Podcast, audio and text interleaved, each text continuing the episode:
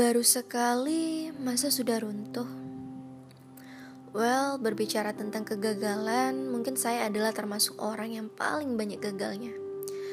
Perasaan sedih, putus asa, hilang harapan, kecewa, gusar, gundah, gelisah, marah, bahkan kehilangan semangat.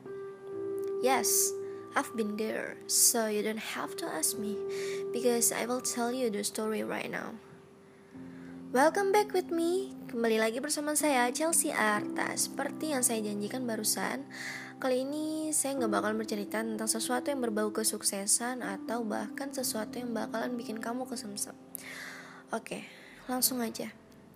Berawal dari impian terbesar saya yaitu cita-cita kuliah di luar negeri. Waktu itu sekitar kelas uh, 3 SMA, saya ada dapat undangan untuk pergi ke salah satu pameran yang di mana itu adalah pameran tentang studi ke luar negeri dan di pameran tersebut ada banyak stand dari berbagai negara tentunya dan universitas pilihan yang mereka tawarkan. Nah, di pameran tersebut aku sempat uh, mampir ke dua stand. Pertama stand yang dari Singapura. Nah, jadi waktu kecil itu aku sempat punya niatan pengen kuliah di Nanyang Institute Singapore. Karena berbagai alasan, makin dewasa ternyata pilihan itu uh, semakin banyak dan bervariasi lah intinya gitu kan. Terus setelah mampir ke stand yang di Singapura, aku langsung pindah ke stand yang menurut aku cukup unik karena uh, stand ini merupakan salah satu stand yang berasal dari negara Jepang. Nah, stand ini uh, yang nungguin standnya itu unik karena pakai baju kimono gitu warna oranye dan ternyata itu merupakan wakil kepala sekolah dan staffnya. Iya. Yeah Nah, aku ketemu tuh sama wakil kepala sekolah dari sekolah bahasa Jepang di Osaka yang namanya OBKG. Singkatannya terlalu panjang, aku juga nggak ingat apa. Nah, nama kepala sekolahnya waktu itu adalah Miyuke Inoue. rambutnya pendek. Orangnya ya normal lah tingginya kayak orang-orang Asia pada umumnya. Dia orangnya ramah cuman logat berbahasanya itu ya kayak galak gitu ya karena kan orang Jepang ya atau sendiri. Kayak gimana? Uh, rada cepet terus rada keras. Tapi sensei itu sensei uh, Miyuki itu lancar ngomong bahasa Indonesia karena dia pernah beberapa bulan tinggal di Indonesia tentunya di Jakarta.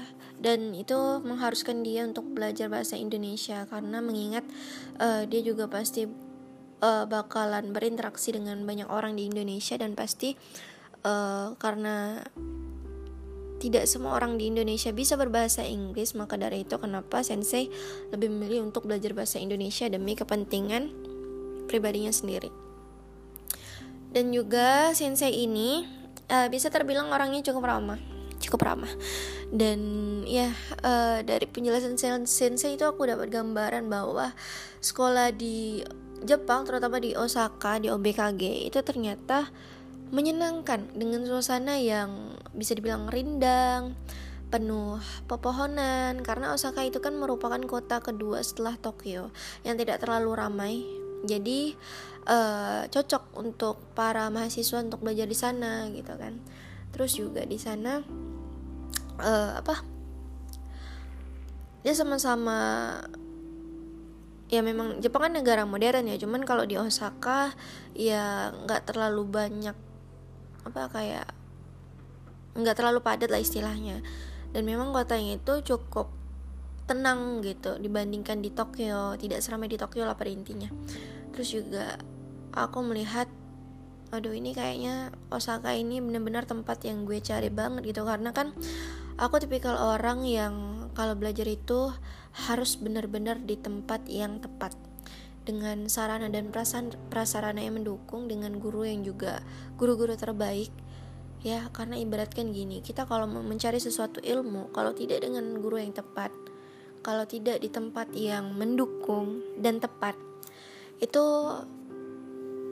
ilmunya gak bakalan sampai dan pengalamannya gak bakalan dapat itu kalau aku pribadi. Karena kenyamanan dalam belajar itu penting that's why aku begitu selektif uh, dalam memilih kuliah apa dalam memilih tempat melanjutkan studi aku setelah lulus SMA dan aku lihat kalau seandainya aku kuliah di Osaka aku bakalan benar-benar hidup sendiri mandiri jauh dari orang tua. Dan di Osaka sendiri itu tersedia fasilitas dorm kayak uh, apartemen sederhana lah untuk para mahasiswa tinggal nggak begitu mewah sih. Nggak kayak apartemen di Indonesia pada umumnya. Cuman itu sederhana namun bersih. Uh -uh. sederhana namun bersih dan di sana para mahasiswa memang dibiasakan untuk pergi dari dorm ke tempat belajar itu pakai sepeda sekitar 15 menit. -mm. dan di sana kalau masalah kesehatan itu sudah terjamin sudah dijamin masalah makan segala macam untuk mahasiswa internasional insya Allah sudah terjamin. Uh, namun sayangnya aku nggak direstuin untuk kuliah di Jepang karena uh, satu lain hal. Salah satunya ya karena jauh dari orang tua. Kalau seandainya aku sakit bagaimana? Terus karena aku juga anak perempuan anak uh, anak sulung pertama cewek lagi kan jadi ya untuk kedua orang tua itu pastilah penuh pertimbangan ibaratnya. Terus karena nggak direstuin di Jepang aku udahlah kayak oh ya udahlah nggak apa-apa mungkin lain kali gitu kan. Karena kan masih kelas 3 SMA juga jadi masih santai masih belum mau serius banget mikirin ke sana jadi uh, waktu akhir semester aku sempat daftar ke salah satu universitas bisnis swasta terbaik di Indonesia yang bertempat di Tangerang uh, tempatnya di BSD City. Dan BSD City itu merupakan tempat yang terbilang merupakan kawasan elit yang di mana tempatnya jauh dari hiruk pikuk keramaian dan juga bersih bersih banget. Dan letak universitasnya itu jauh banget di ujung dan memang lebih banyak pepohonan. Nggak kayak di Jakarta nggak kayak di Jakarta yang padat banget gitu kan. Nah dia universitasnya itu benar-benar di pemukiman yang bersih jauh dari polusi. Kosan elit juga. Nggak terlalu ramai orang. Dan benar-benar mendukung lah untuk belajar ibaratnya. Nah aku sana untuk ikhtiar mendaftar uh, mendaftar kuliah di jurusan mandiri. Lupa waktu itu gelombang keberapa. Pokoknya masih awal dan biaya pendaftaran untuk sekali tes itu sekitar 500 ribu. Nah bedanya kalau kita tes di universitas swasta ini tesnya nggak kayak tes mandiri di universitas negeri karena kita nggak tahu soalnya seperti apa gitu kan. Mm-mm, jadi itu tuh kayak soal yang memang dikeluarin dari universitasnya gitu loh. Jadi kita nggak bisa nebak mau belajar juga bingung gue mau belajar apaan gitu materinya apa aja nggak tahu gitu kan.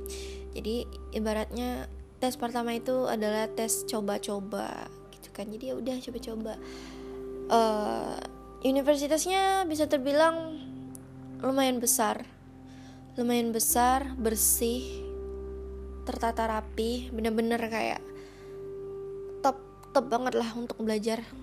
Dan sangat-sangat mendukung untuk sekolah bisnis itu bener-bener kayak standar yang bagi aku tuh kayak well enough lah nilainya 8 dan mahasiswanya juga uh, bergengsi gitu kan.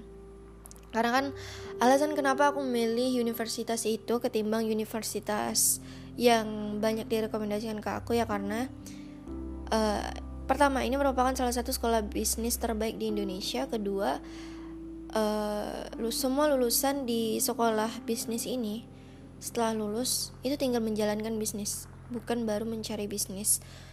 Uh, ketiga di sekolah ini lebih banyak praktek ketimbang teori dan itu yang aku suka karena menurut aku bisnis itu bukan perkara teori tapi lebih banyak butuh praktek.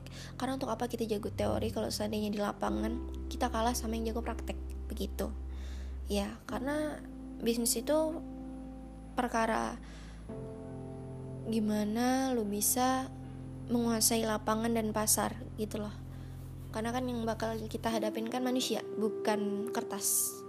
Jadi itulah kenapa aku mikir ya memang mungkin yang direkomendasikan mereka itu bagus. Cuman aku lebih milih ke peluangnya untuk lulus itu peluang skill aku setelah lulus dari sini itu gimana gitu? Apakah sekedar teori saja?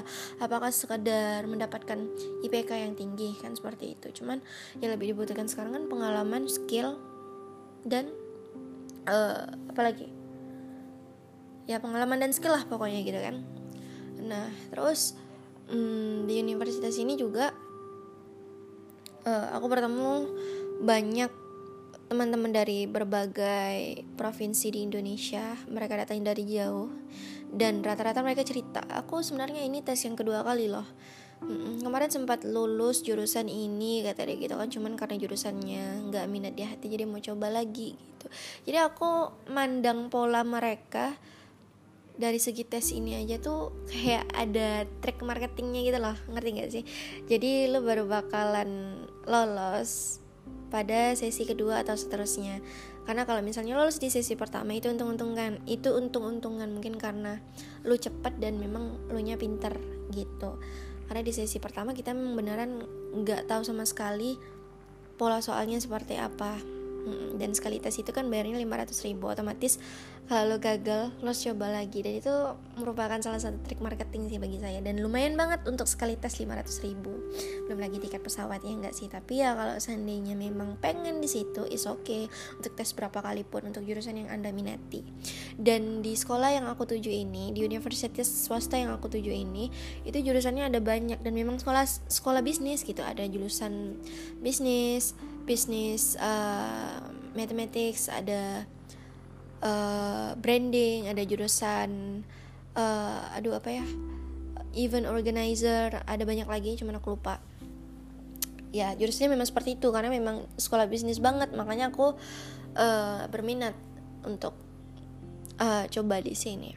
Dan tuh biasa aku sebenarnya tidak terlalu banyak wawasan tentang universitas apa aja sih yang ada di Indonesia ini gitu loh ngerti nggak sih jadi selama SMA aku tuh nggak pernah tahu di Indonesia ini ada universitas apa aja sih bahkan universitas terbaik di Indonesia aja aku nggak tahu karena mungkin kayak Iya kan visi misi kan visi misi aku bukan di sini. That's why I don't really need to seeking for about some information in this country gitu loh.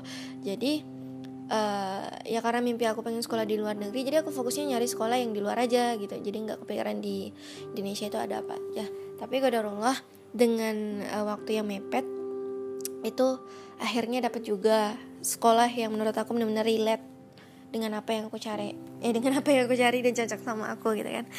Jadi ya udah dapat deh sekolah ini. Cuman ya ternyata aku gagal tes. Setelah gagal tes itu di Hamin satu pengumuman aku sempat nonton bioskop sama salah satu teman aku. Dan aku bilang sama dia ini sebentar lagi jam 5 pengumuman tes bakalan keluar melalui email. Kalau seandainya aku nggak lulus iya nggak masalah aku nggak bakalan kecewa. Aku nggak bakalan kecewa karena aku bakalan lanjut ikhtiar untuk uh, coba apply formulir pendaftaran untuk sekolah di Osaka Jepang jadi setelah pemberitahuannya keluar, oh ternyata aku tidak lulus tes dan itu really sad. Ibaratkan sedihnya cuman kayak 20% doang. Karena aku udah tahu aku bakalan gagal gitu kan. Jadi ya I don't have to be sad or re regret too much. Jadi aku nggak perlu galau-galau terlalu lama. Karena setelah itu malamnya aku bilang, "Pi kalau seandainya aku nggak lolos tes, boleh nggak aku coba apply formulir ke Osaka. Eh nggak tahu kenapa diizinin sama beliau. Karena aku bilang ngurusin uh, formulirnya aja kok belum ke tetek bengeknya. Coba-coba aja gitu boleh nggak? Boleh kata beliau. Ya udah besoknya aku langsung ke agensi untuk uh, mengajukan formulir pendaftaran ke sekolah bahasa Jepang di Osaka.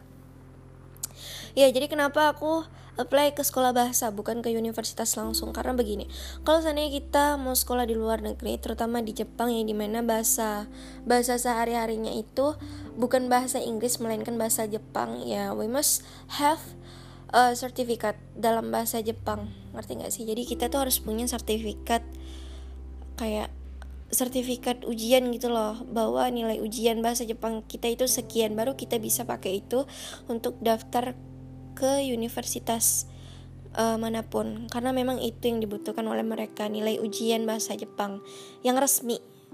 Uh, gitu.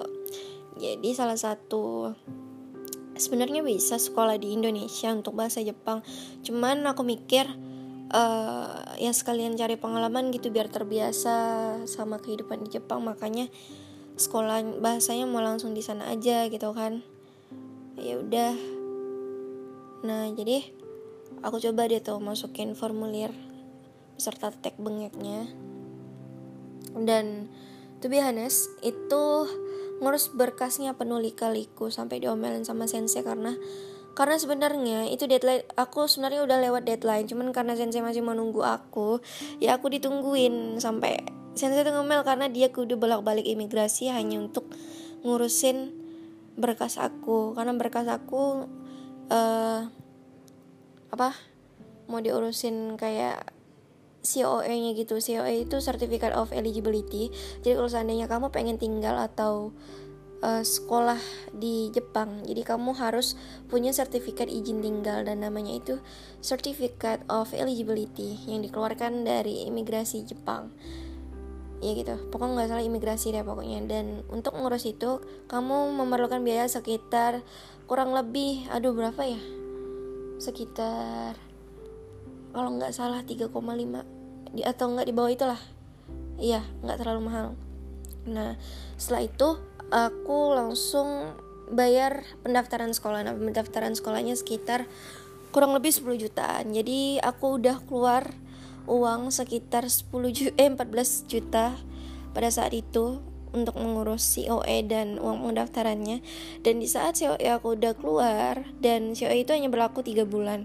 Jadi kalau selama tiga bulan visa aku nggak keluar otomatis COE itu hangus. Dan aku di blacklist dari uh, pihak sekolah. Karena tidak bisa apply kembali. Ya karena tahu sendiri orang Jepang itu sangat disiplin kan. Dan uh, aku sudah bayar uh, uang tersebut. COE aku juga sudah diurus sudah keluar. Dan waktu itu aku sempat video call sama sensei. Dan sensei video call sama mamaku juga. Sensei sempat bilang seperti ini uh, pakai bahasa Indonesia ya karena dia lancar. Uh, Chelsea Chelsea eh Chelsea uh, mamanya Chelsea Chelsea mau kuliah di Jepang ya? Iya kata mama gitu kan uh, berarti bakalan ambil part time dong minimal untuk nambah-nambahin uang jajannya selama di Jepang. Oh iya sensei boleh. Tapi senseinya bilang gini tapi kalau seandainya Chelsea mau cari kerja di sini di Jepang itu bakalan sulit karena Chelsea mengenakan kerudung. Seperti itu kan ya. Jadi itu tuh kayak ah gimana ya? Kan nggak mungkin hanya gara-gara kerjaan gue harus lepasin kerudung. Even gue di Jepang even mungkin gajinya gede itu kayak ya berpakai aja susah masa harus ngelepasin lagi gitu loh kan. Jadi kayak mama terus bilang aku bilang ya nggak masalah sih kalau saya nggak kerja gitu kan. Kan aku di Jepang untuk sekolah bukan untuk cari uang gitu kan. Jadi kata mama ya nggak apa-apa sensei karena Chelsea di sini kan juga mau sekolah cari pengalaman bukan cari uang. Jadi ya kalau dapat alhamdulillah. Kalau enggak juga juga nggak apa-apa kata sensei gitu eh setelah beberapa hari kemudian beberapa pekan mengurus hmm, apa urusan sekolah yang tidak ada habisnya tibalah puncak di mana ternyata visa aku ditolak dan aku tidak bisa melanjutkan uh, mimpi aku di Jepang. Dan itu membuat aku kecewa berat galau berat. Sampai pada akhirnya aku uh, menghabiskan waktu detik-detik kekecewaanku di Mujahidin jadi ceritanya itu aku galau berat sampai harus uh, berdiam diri di mujahidin dari isya dari terang sampai gelap. Itu benar-benar aku lagi patah semangat banget. Dan sepulang dari mujahidin itu sekitar pukul 9 atau 10 dan itu keadaannya udah gelap banget di mujahidin tapi aku di situ masih diam. Termenung sendirian nangis juga iya habis sholat. Kayak aduh ini mimpi besar gue terus kalau seandainya gue gagal gue harus ke mana lagi gitu kan? Sedangkan bagi gue kuliah itu bukan hal yang bisa asal-asal pilih gitu loh kayak ya bisa aja ngasal kalau bagi banyak orang cuman kalau untuk aku ya aku nggak mau asal pilih nggak mau asal-asalan gitu loh. Jadi sepulang dari mujahidin aku mampir ke salah satu kedai parfum punya abang angkatku Bang Rangga. Sampai pada saat itu Bang Rangga ngeliat muka aku suntuk kusut banget penuh kekecewaan penuh kesedihan sampai pada akhirnya Bang Rangga bilang ah Chelsea kayak nggak ada Tuhan aja. Baru gagal sekali masa udah sedih. Coba deh kamu mikir boleh jadi itu bukan uh, yang terbaik menurut kamu tapi bagi Allah boleh jadi ada pilihan lainnya yang terbaik. Sabar aja. Mungkin sekarang kamu disuruh mengurus uh, apa dulu? Ngurus agama Allah dulu.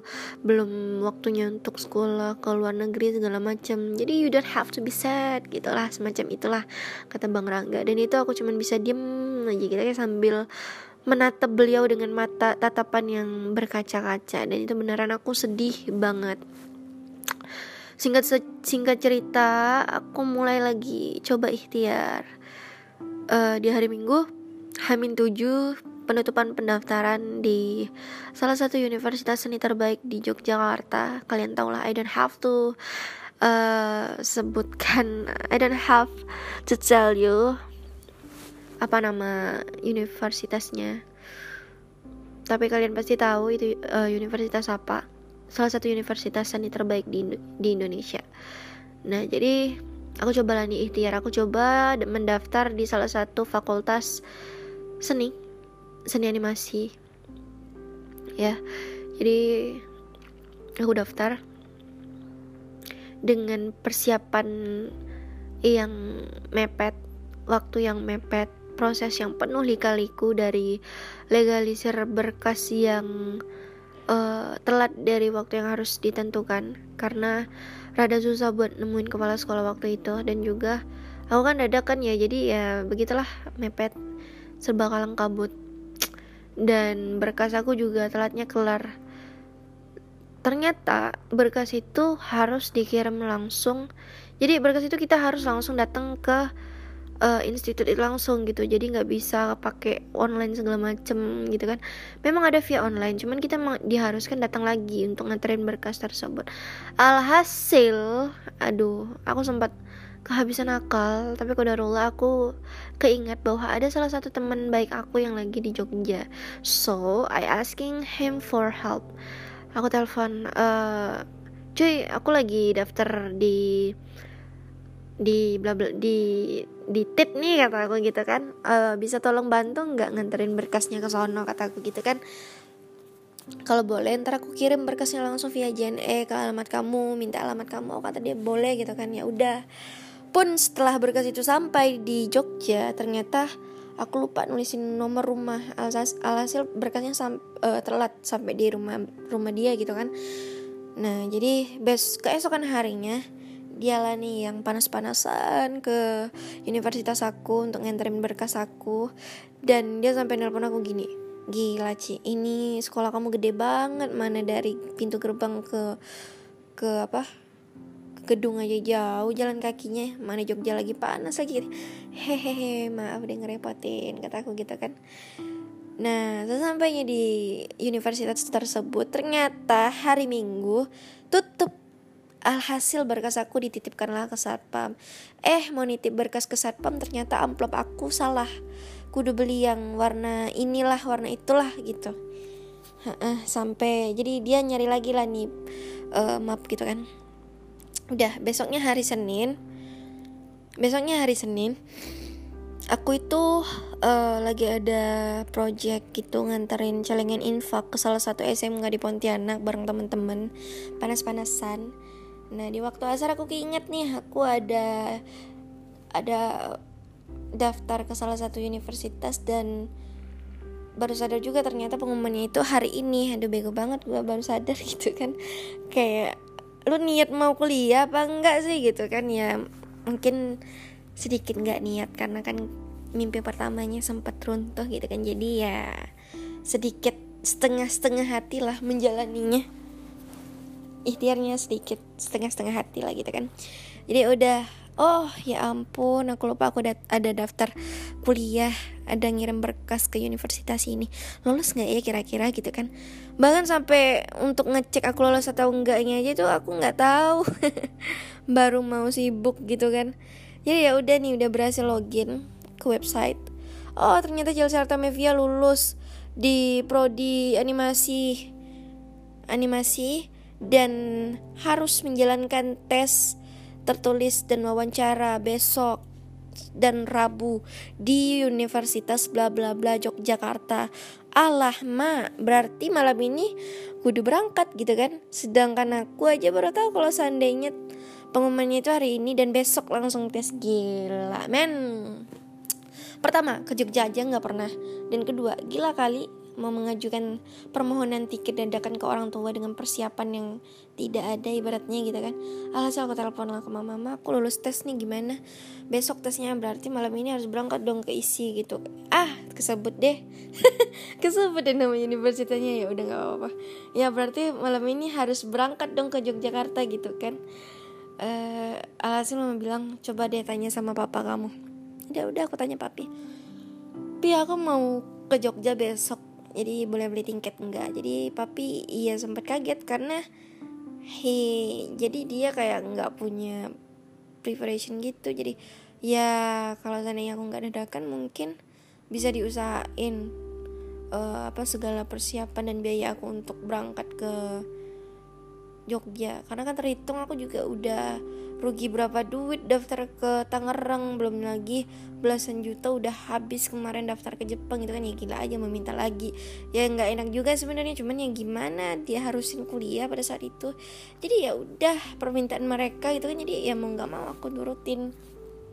Jadi kalau papi jadi kata papi aduh nak gimana nih? Kalau mau besok sih persiapannya belum ada nih.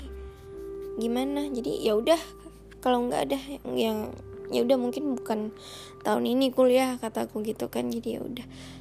Nah setelah itu sorenya aku pulang ke warkop. Pulang terus kayak langsung jemput adek sih. Emang rencananya mau ngaji di salah satu tempat. Jadi kan aku tiap sore itu tahsin ya di jadwal tahsin sama adik aku. Nah aku nggak ada memang nggak ada. Pulang tuh langsung jemput adik nggak ada mampir lagi nampakin muka ke orang tua. Jadi langsung pergi aja eh, langsung pergi aja gitu.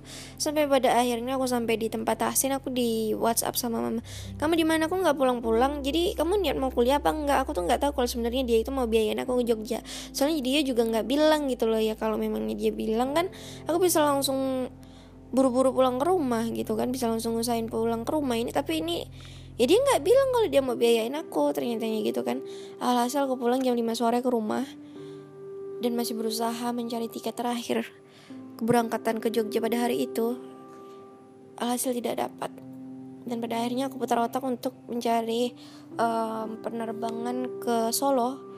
Ya jadi kalau di Solo kan aku ada kenalan gitu bisa tinggal di rumah apa salah satu kenalannya mama. Karena aku nggak pernah ke Jogja dan Jogja itu juga lumayan sih baratnya lumayan rame. Dan aku cewek kan jadi ya mikir juga tuh resikonya gimana nginepnya nanti gimana gitu kan. Alhasil ya nggak dapet juga tuh flight ke Solo. Ya pada akhirnya ya sudahlah aku mengikhlaskan segala kegagalanku pada hari itu. Aku mengikhlaskan segala keapesanku di tahun itu bahwa Ternyata aku harus menerima kenyataan bahwa aku tidak diizinkan Allah untuk meneruskan pendidikanku di bangku perguruan tinggi yaitu universitas atau institut. Jadi ya, ya mau bagaimana lagi? Dibilang kecewa ya pasti kecewa. Aku bahkan sempat depresi kurang lebih 4 bulan karena kecewa berat. Ya gila cuy kehilangan mimpi besar ibaratnya. Siapa sih yang nggak kecewa berat? Ya nggak sih? Nah jadi di masa-masa keterpurukan itu di masa 4 bulan itu aku cuman bisa kayak diam di kamar tidur. Tidur itu sebenarnya merupakan salah satu jurus aku untuk melupakan segala kekecewaan aku. Tidur itu merupakan salah satu sarana untuk melupakan kesedihan aku kesalahan aku. Nah jadi selama 4 bulan itu aku lebih banyak tidur merenung diem aja gitu. Kayak doing nothing. Jadi ya kayak parah lah bener-bener kayak pengangguran gak ada gak ada semangat hidup pokoknya. So seperti itulah ceritanya cerita tentang kegagalan aku but I learn many things from this. Pada intinya aku belajar banyak dari hal ini. Yang pertama aku belajar untuk menerima keikhlasan, kedua aku belajar untuk menerima kegagalan yang mungkin kegagalannya itu diibaratkan sudah jatuh tertimpa tangga pula ya. Sudah jatuh sudah jatuh tertimpa tangga pula jadi jatuhnya berkali-kali gitu kan udah apes kena apes lagi jadi kalau seandainya ada seseorang yang datang mengadu ke aku aduh gue galau nih lagi gagal gini gini gini gini. Gitu gitu gitu gitu kata dia gitu kan. Aku cuma bisa ketawa. Gagalnya baru berapa kali ya aku gitu kan? Ya baru sekali ini aja sih gagal ya. Aku cuma bisa tertawa terbahak-bahak. Ya ilah baru jatuh sekali masa udah runtuh? Gue aja yang tiga kali biasa aja nih masih hidup sampai sekarang alhamdulillah. Walau sempat stres. Walau sempat stres dan depresi selama beberapa bulan tapi iya. Ya aku sudah melewatinya. Gitu dan mungkin kalau seandainya aku uh, apa berencana untuk apply lagi apply study lagi ke perguruan tinggi aku bakal sih cuman sekarang lagi menunda aja. Aku mungkin bakalan hmm, mengambil jurusan pertama kalau nggak bisnis jurusan seni kalau nggak seni jurusan perbandingan agama. Tapi aku lagi mencari tempat yang benar-benar terbaik untuk aku gitu. Tapi untuk sekarang aku masih menunda kuliah sih. Dan ini merupakan tahun kedua aku menunda kuliah. Because why not? Umur aku juga masih muda. Ya nggak masalah sih. Daripada kuliah asal-asalan tapi sekedar gitu aja. Kan bobong juga. Kasihan orang tua kan jadi ya mending aku uh, sibuk ke yang lain dulu sambil mengistirahatkan pikiran tenaga dan badan juga. Karena kan sekolah SMA SMP SD itu kan udah cukup capek ya bagi aku. Mana pula aku waktu sekolah sambil kerja gitu kan. Jadi ya tekanannya dua kali lipat lah kebandingan dibandingkan anak-anak yang lainnya. Jadi ya ya aku pikir ya nggak masalah untuk menunda demi kebaikan aku sendiri. Dan sepertinya aku nggak bakalan sekedar nganggur sih. Kebetulan ini alhamdulillah nganggur aku menghasilkan satu buku yang pada akhirnya rilis juga. Aku berhasil menggapai. Di saat aku kehilangan mimpi mimpi terbesar lainnya ternyata Allah takdirkan aku untuk uh, berhasil menggapai dan mewujudkan salah satu impian terbesar aku yaitu impian untuk memiliki buku sendiri. Alhamdulillah sebentar lagi buku aku bakalan terbit dan launching. Alhamdulillah ternyata ada hikmah gitu di balik sebuah kegagalan. Jadi ya aku bisa menerima ini semua lah dan I don't have to be sad because life must go on and ya masih ada banyak jalan menuju Roma. Seperti apa yang saya bilang di episode sebelumnya. So Don't be sad, keep going on and semangat, semangat terus. Kalau seandainya kamu jatuh hari ini, ingatlah kalau kamu baru jatuh sekali, sedangkan di luar sana boleh jadi ada orang yang jatuh berkali-kali, tapi semangat mereka untuk maju untuk menjadi orang sukses itu sangat gigih sehingga mereka tidak masalah kalau seandainya mereka harus jatuh berkali-kali. And at least but not least, thanks for listen this podcast. Semoga materi kali ini uh, semoga story kali ini bisa menjadi pembelajaran bagi kita semua. Semoga bisa bermanfaat memotivasi dan menginspirasi bagi para pendengar yang di mana pun kalian berada. Ya begitulah.